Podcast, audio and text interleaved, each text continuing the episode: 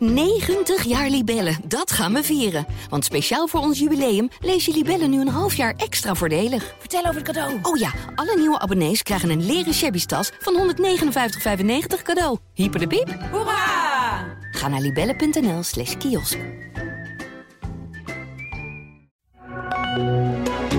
Dit is de AD Voetbal Podcast met Etienne Verhoef. Bekervoetbal, bekerstunt. Ja, voor Spakenburg was het zo'n avond. Ik denk dat we deze voetbalpodcast heel veel luisteraars uit Spakenburg en wijde omgeving hebben. Tenminste, als ze een blauw hart hebben. Uh, maar goed, Feyenoord is gewaarschuwd voor vanavond tegen Herenveen. Zorgen zijn er in Arnhem en gezocht in Amsterdam een luchtmacht. Dit is de AD Voetbalpodcast van 1 maart met Johan Inan. De meteorologische lente is begonnen. Zeker in Spakenburg. Um, maar Johan, zal ik je even meenemen naar gisteren, de podcast van gisteren, of niet? Heb je hem gehoord of niet? Nee, neem eens mee. Maarten zegt gisteren, gewoon even, hè, we waren aan het praten over de, waarom de topclubs die beker serieus nemen. Dus Maarten zegt... De beker geeft recht, recht op Europa League. Dus het is nog steeds de kortste route naar, naar een Europa League plek. Dus ja, dat, dat, dat is wel een, een, een, een ticket waar je voor moet gaan hoor. En dus, en dus zal iedereen dat wel doen. Ja, waarbij FC Utrecht natuurlijk de, de club is die, uh, ja, laten we zeggen, die staan al in de halve finale, hè, als, je, als je eerlijk bent. Die moeten mm -hmm. dan thuis uh, Spakenburg pakken. Ja, dat was een beetje... ja, en ik, ik vond het ook niet gek. Ik ging volledig mee in Wijfels zijn, uh, zijn redenatie natuurlijk. Ja, ik moet ook heel eerlijk bekennen dat ik...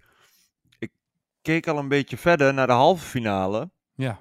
En daar ging ik er al ook al een beetje vanuit dat... Um, ja, we vier tussen aanhalingstekens topclubs, Ajax, PSV en Feyenoord en Utrecht. Ja, dat, dat zou schitterende affiches opleveren. En daarmee ook meteen een, um, een hele mooie finale. Maar goed, laten we Spakenburg niet tekort doen. Die komt um, deze ticket voor de halve finale volledig toe natuurlijk. Want het was een stunt.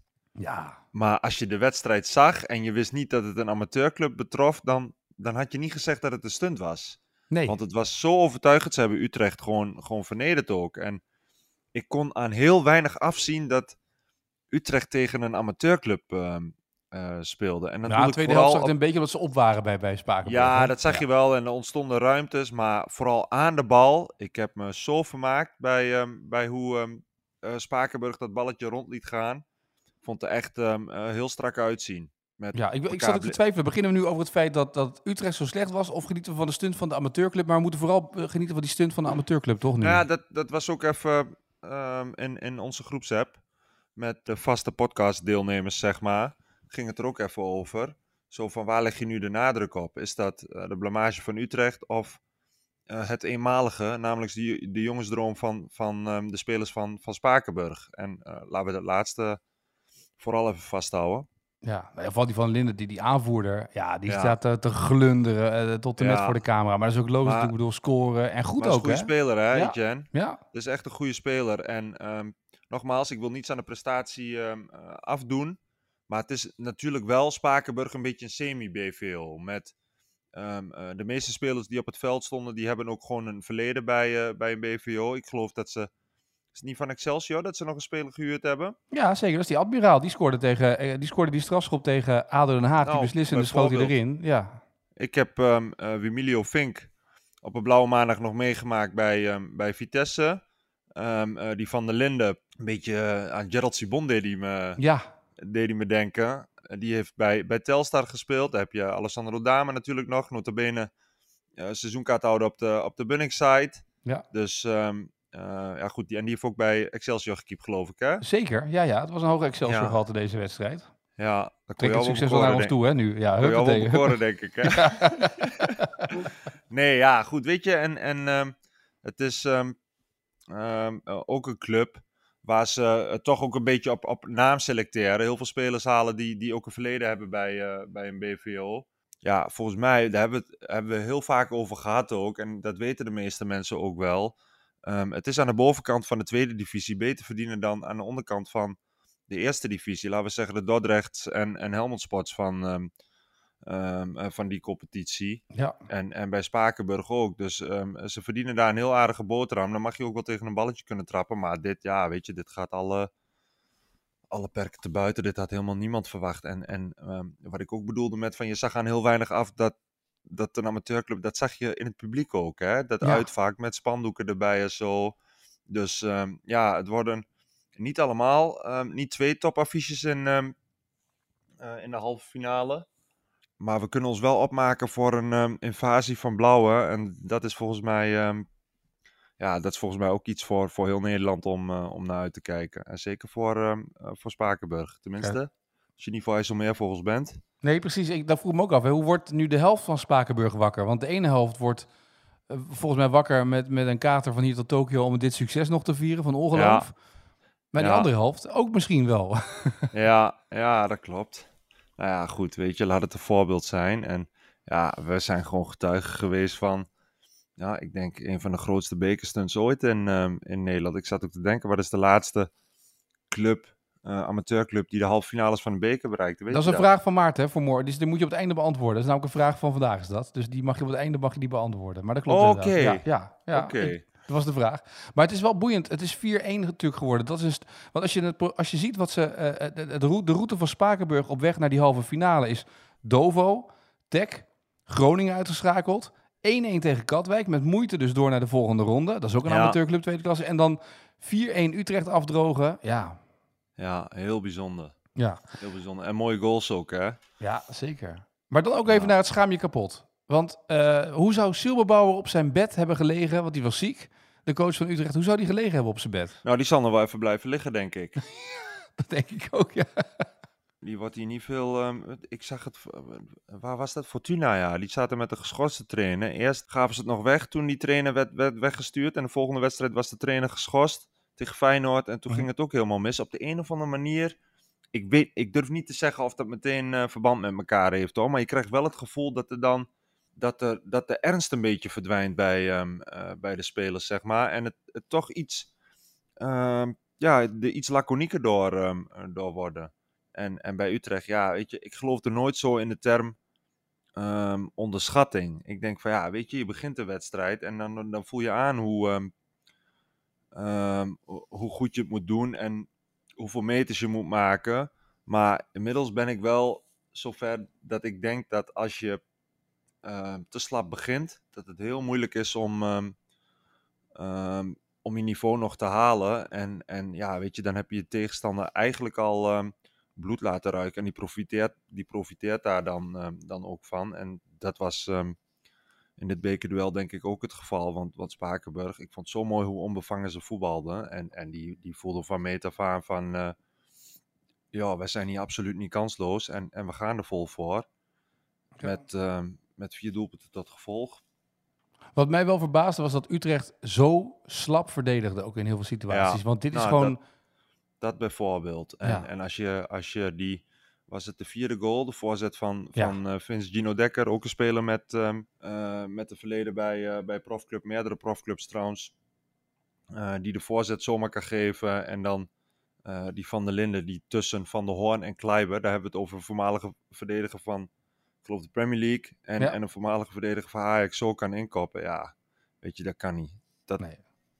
dat was echt amateuristisch. Ja, en dus eh, terecht uitgeschakeld Utrecht, Spakenburg door naar die volgende. Zullen we alvast uittekenen wat er nu gaat gebeuren? Er gaat eh, vandaag een cameraploeg, gaat natuurlijk naar Spakenburg toe. Die Ja. gaat daar eh, interviews maken. Hart van Nederland gaat er naartoe. Iedereen Ja. gaat daar nu filmen, want er zijn ook camera's. Eh. Van der Linden gaat denk ik gevolgd worden op zijn dag dat hij vanochtend vis aan het snijden is voor de visafslag. Ja. En daarna dan zeg maar eh, gevolgd wordt hè, eh, door die hele dag, denk ik. Ja, ja. En wij gaan de komende weken overspoeld worden met reportages over rood versus wit. Dat sommige Zeker. mensen dus alleen maar rood aan hebben van IJsselmeervogels. Dat ze dus niks blauws in huis hebben. Dat wordt Ja. allemaal nu opgerakeld, hè? Allemaal kleine oogjes ook. Ze zullen, zullen ook niet op de club zijn. Uitlopen, hoort toch?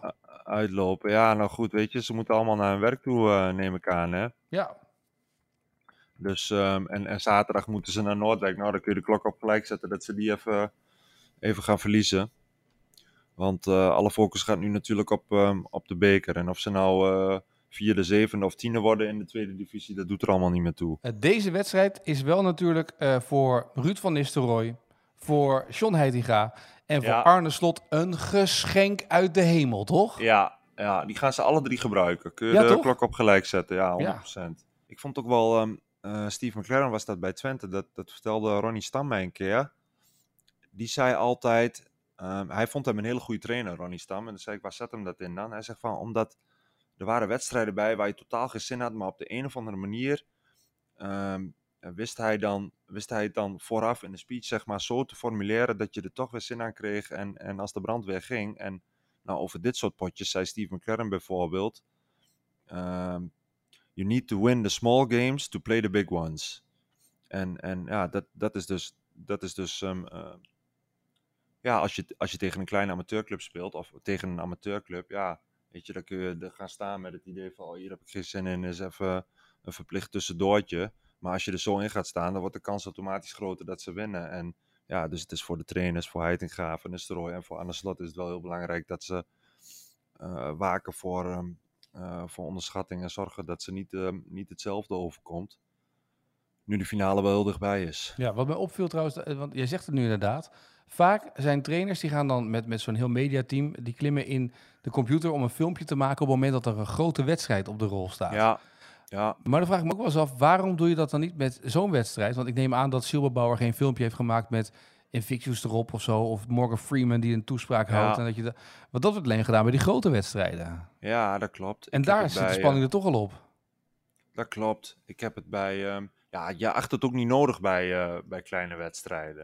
Ik Ja. denk dat je met, met een motivatiespeech, weet je wel, met, met vijf, zes even ehm, een goede one-liners, dat je de groep wel even op scherp kan zetten. Maar ik heb bijvoorbeeld bij Pek Zwolle meegemaakt in 2014, de bekerfinale op uit mijn hoofd 20 april tegen Ajax. Mhm. Dat Bron Jans, ja, die was daar natuurlijk eh, een koning in. Die heeft vooraf, heeft hij zonder dat ook maar één speler het wist, heeft hij ehm, eh, de zus van de zus en de ouders van Ryan Thomas vanuit Nieuw-Zeeland iets laten inspreken. Dochtertje van, van Joost Broersen. De broer van Camoelo Mokotjo vanuit ehm, ehm, Zuid-Afrika. En zo hadden ze een compilatie gemaakt, een filmpje, waarbij... ehm, ja, de, de- sprak je de spelers na afloop ook. Die zeiden, waren allemaal kippenvel. En, en na dat moment hadden we zoiets van, ah, weet je, dit gaat zo mooi worden. En, en een klassieker, je weet welke, hè? Welke trainers vaak van stal halen.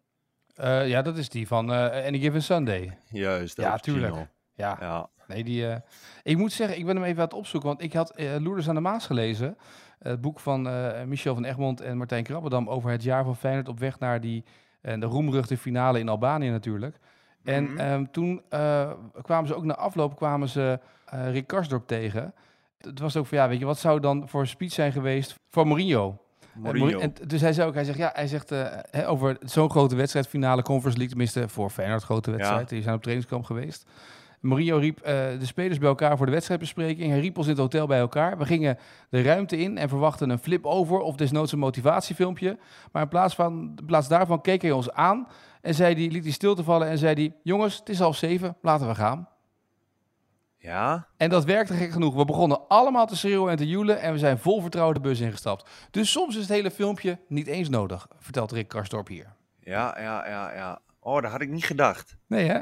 Dat Mourinho... Maar je, daar variëren trainers in, hè? Ja. En ehm, het schijnt ook wel eens te helpen dat, dat ehm, eh, als ze een dramatische eerste helft hebben gespeeld, dan wil een trainer nog wel eens ehm, eh, flippen. We hebben de beelden van, van Rankovic bijvoorbeeld gezien, die de hele flip, flip over eh, door tweeën sloeg. Maar er zijn ook trainers bij die bewust op de gang blijven staan en de groep alleen laten. En zoiets hebben van, nou, weet je, kijk mijn camera eens even goed in de ogen aan en dan weet je hoe laat het is. Ja. Dat, je- dat je er met z'n allen een puinhoop van hebt gemaakt. En dat het in de tweede helft ehm, eh, anders moet. Ik denk dat Mourinho daar wel goed in is. Die is sowieso ehm, heel goed in het op scherp zetten van, ehm, van spelersgroep. Niet voor niets heeft hij een uitstekende balans in, eh, in finales. De meeste die hij heeft gespeeld, heeft hij allemaal gewonnen. Ja. Dus ja, dat, is wel, dat zijn wel eh, interessante dingen inderdaad. Ja, het was, het, het- ik vond een van de mooiste voorbeelden uit topsport ook dat Joost Luiten een tijd lang, eh, de golfer natuurlijk, de Nederlands beste golfer, Ja, eh, om eh, het gevoel te krijgen, elke dag een filmpje van zichzelf keek met de beste slagen. Dat werd steeds aangepast ook, dus steeds als hij een goede ronde. ja, ja. En dat elke dag kijken voordat je gaat trainen. Ja, ja, er zijn heel veel voorbeelden. Hè? En Ik, heb met de, heb, ik weet niet of jij die hebt gezien, de docu van ehm, Arsenal. Nee, nog niet. Moet nog zien. eh, All or Nothing. En ehm dat maakte eh, Arteta ook wel indruk op mij. Niet met, met ehm, het nabootsen van het geluid op Anfield op het, eh, op het trainingsveld. Maar als je zag, dat, dat, dat kwam, bij elke wedstrijd kwam dat terug. Hoe hij dan eh, vooraf, halverwege en na de hand de groep toesprak.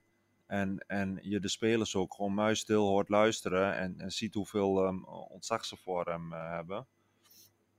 Um, ja, vind ik mooie dingen, interessante dingen ook. Ja, nou goed. Uh, kijken wat Arne Slot vanavond gaat doen dan voor die spelersgroep van Feyenoord. Of hij een filmpje laat zien, of dat hij gewoon zegt... Uh, jongens, het is acht uur, we gaan. Kan ook natuurlijk, ja. hè, dat je het een beetje rustig aanhoudt tegen Heerenveen. Ja, hij weet in ieder geval wat hij niet moet doen.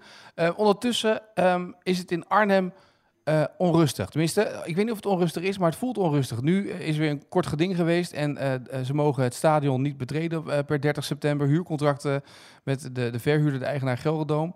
Er is gedoe en dat is nooit lekker in een club, toch? Nee, en jij zegt het is in Arnhem onrustig. Eigenlijk is het in Arnhem altijd onrustig, hè? Dat is waar. Philip Cocu, die heeft nu eindelijk, ja, weet je, ze krabbelen sportief een beetje op. En je hebt niet langer het gevoel dat ze een degradatiekandidaat zijn.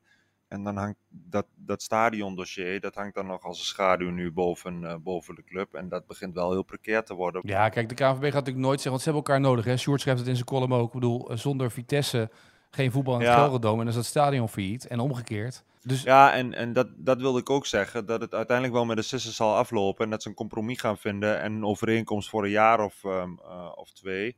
Uh, Vitesse probeert ook nog steeds een beroep te doen op het dat noemen ze het eeuwigdurend speelrecht. Een, een regeling die zou zijn getroffen um, in de tijd dat, dat het stadion gebouwd werd ook, geloof ik. En dat ze uh, ten alle tijden uh, daar zouden kunnen spelen. Maar goed, daar wil die eigenaar natuurlijk weer niets van, niets af weten. Ik denk uiteindelijk, ja, weet je, um, als de KNVB gaat straffen, dan zal het eerst wel een geldboete worden. En dan, ik geloof niet dat het zo ver gaat komen dat, dat de proflicentie wordt, wordt ingenomen met verstrekkende gevolgen voor, voor de competitieindeling, voor, um, voor de stad Arnhem, noem alles maar op. Maar twee, ruim 2 miljoen euro per jaar is ook een hoop geld. En dat is toch een beetje, je gaat nu toch merken wat die naweeën zijn aan de ene kant van, van het megalomane gedrag van Karel Aalborst. Dat, dat heb dus nog zo lang ja. na, want die wilde dat stadion hebben, die wilde dat Gelderdoom hebben. Dat Gelderdoom ja. kan ook niet los van, dat, dat, dat, loopt ook, dat leidt ook verlies uiteindelijk natuurlijk als er geen voetbal in zit. Ja, en ik, ik vind het niet heel gek dat ze een aantal jaar geleden al um, de overeenkomst opgezegd hebben. Want anders zaten ze weer 20 jaar vast aan, uh, aan dat stadion. Ja. En ja, weet je, dat, dat is voor die club gewoon een molensteen uh, om de nek. Alleen ja, het probleem is wel dat die eigenaar zoiets heeft van... Ja, ik weet niet wat jullie in jullie hoofd hebben. Ik zie in Vitesse een van de belangrijkste uh, bespelers van het stadion. Daar worden ook concerten en zo gehouden. Uh, daar ga ik niet even uh, die huursom halveren. Nee. Dus ja, weet je, dat, dat is wel even, even een probleem. Het wordt van beide kanten nog hard op hard gespeeld. donderdag speelt Ajax, de ploeg die jij volgt in de beker. PSV speelt dan ook. PSV tegen ADO. Ajax moet naar de Graafschap. En dan heb ik toch altijd een beetje weer zo'n ah, herinnering. Ja, ik hoop ja. heerlijk dat ze eruit gaan. Ik hoop dat ze zoveel gegeven hebben dat ze niet kunnen lopen vrijdagavond. Heb je ze gezien afloop? Hoe ze stonden te juichen of ze de wereldcup hadden gewonnen? Dat is ongelooflijk. Echt. Sjaak Zwart was dat, en de afloop van die verloren landstitel, dat Ajax daar bij de Graafschap verloor. Dit moment ja. gaat er ook nog terugkomen, dat denk ik ook wel.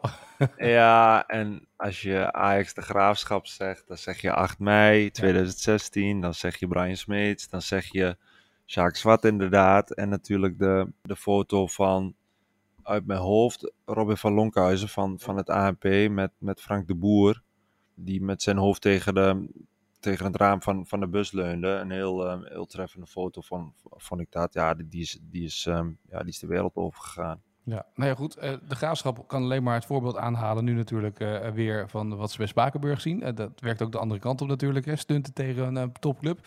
maar ondertussen, um, Ajax kwakkelde dit weekend een beetje door. en, en toch zie je bij Ajax wat dingen waar, waar ze volgend jaar aan moeten gaan werken. Hè? Als je naar de selectie een beetje analyseert en de tegendoelpunten analyseert.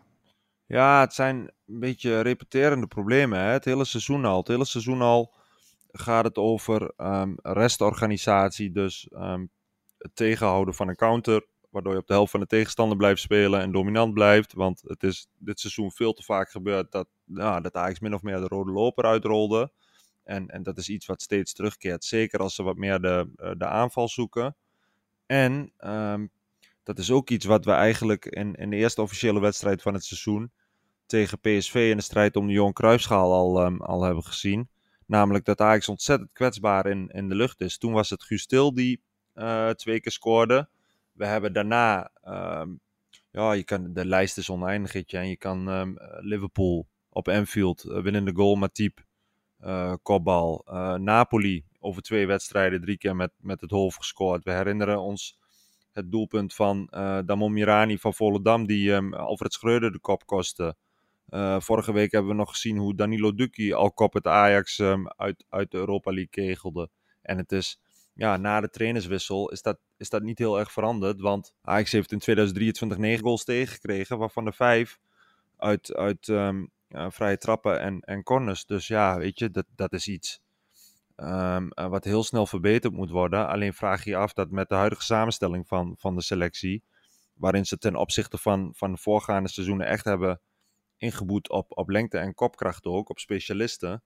Vraag je af of dat dit seizoen nog, um, nog goed gaat komen. Zit het ook een beetje inherent voor... aan de keuze die, die Heitinga maakt door uh, Alvarez niet op het middenveld te posteren, maar achterin, waardoor je dus de lengte van Bessie ook nog een keer mist achterin. Ja. Want je ziet wel ja. steeds als hij dat En herstelt, Bessie- dat, dat Alvarez... Bessie, midden- kan, Bessie kan best goed koppen hoor, maar ik vind, weet je, die is langer dan Martinez. Maar toch denk ik dat Ajax meer baat had bij de kopkracht van eh Lisandro Martinez. En het gaat dit seizoen al heel vaak over het gemis van een Anthony en van een eh, Lisandro Martinez. Maar weet je wie heel weinig wordt genoemd? Nou, Sebastian Haller. ja.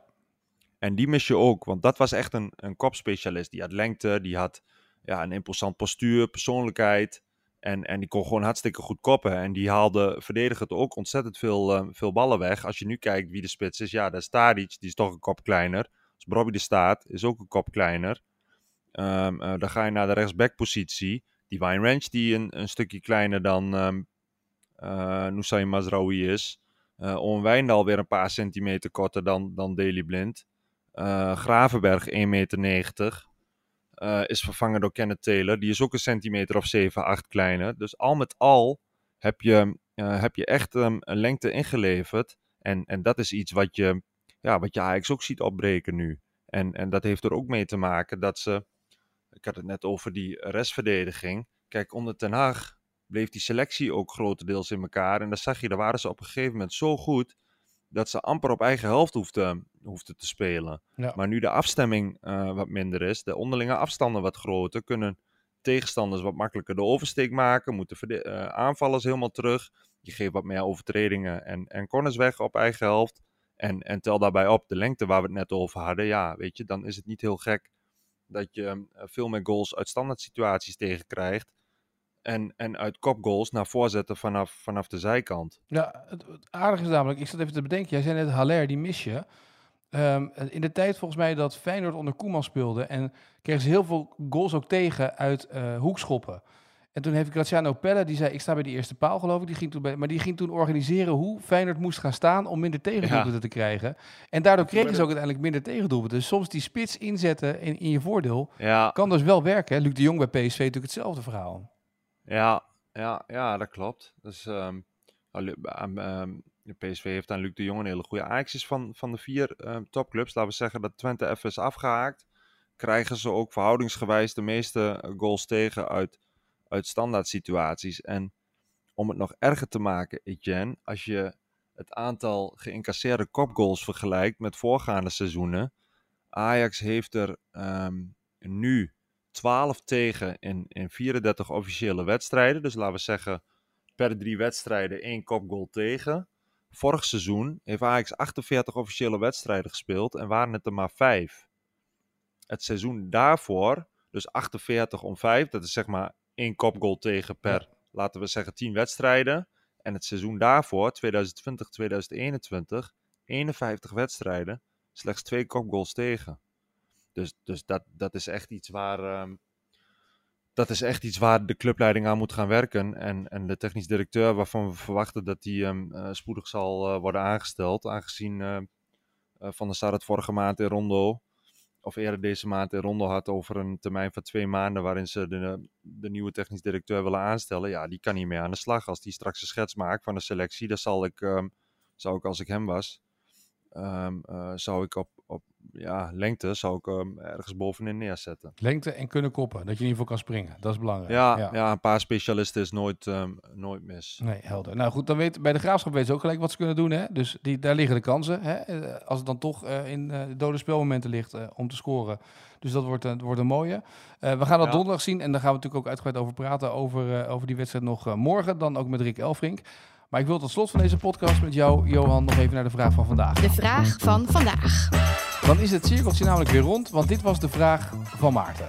Ja, het is bekerweek, Etienne, dus dan doen we een bekervraag. Ehm, wat was de laatste amateurclub die in de halve finale van het bekertoernooi kwam?